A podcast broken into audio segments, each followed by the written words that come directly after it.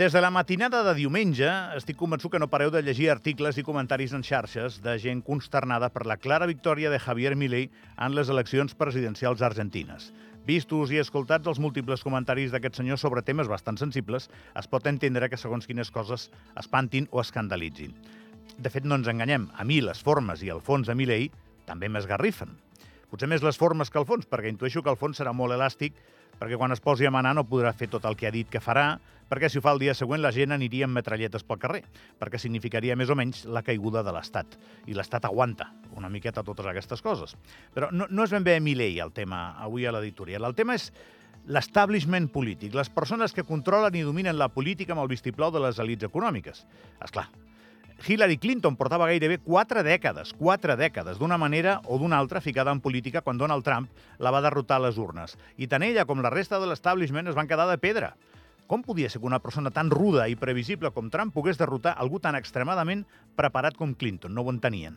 Doncs molt senzill, perquè molta gent, no tota, però molta gent està farta de mitges veritats, de discursos calculadíssims, de jugar al 0-0, per dir-ho finament és aquest món dels assessors polítics, els spin doctors, personatges fascinants perquè tenen una enorme influència però que mai tenen la culpa de res. Si el polític l'encerta, l'spin doctor és un fenomen, i si falla, la culpa no és mai de l'exèrcit d'assessors del polític. És així i així serà. Ho sé, ara eh, m'esteu demanant avui, és una d'aquelles editorials que em diríeu a d'on quiere llegar letrado, com a les pel·lícules, no? Vaig. Vull arribar a un terreny que hauria de ser més comú i que visitem molt poc. L'empatia intentar entendre la gent abans que desconsiderar-la o jutjar-la. Si el 56% dels argentins vota Milei, és molt millor intentar entendre per què ho estan fent que no dir que els argentins s'han tornat bojos.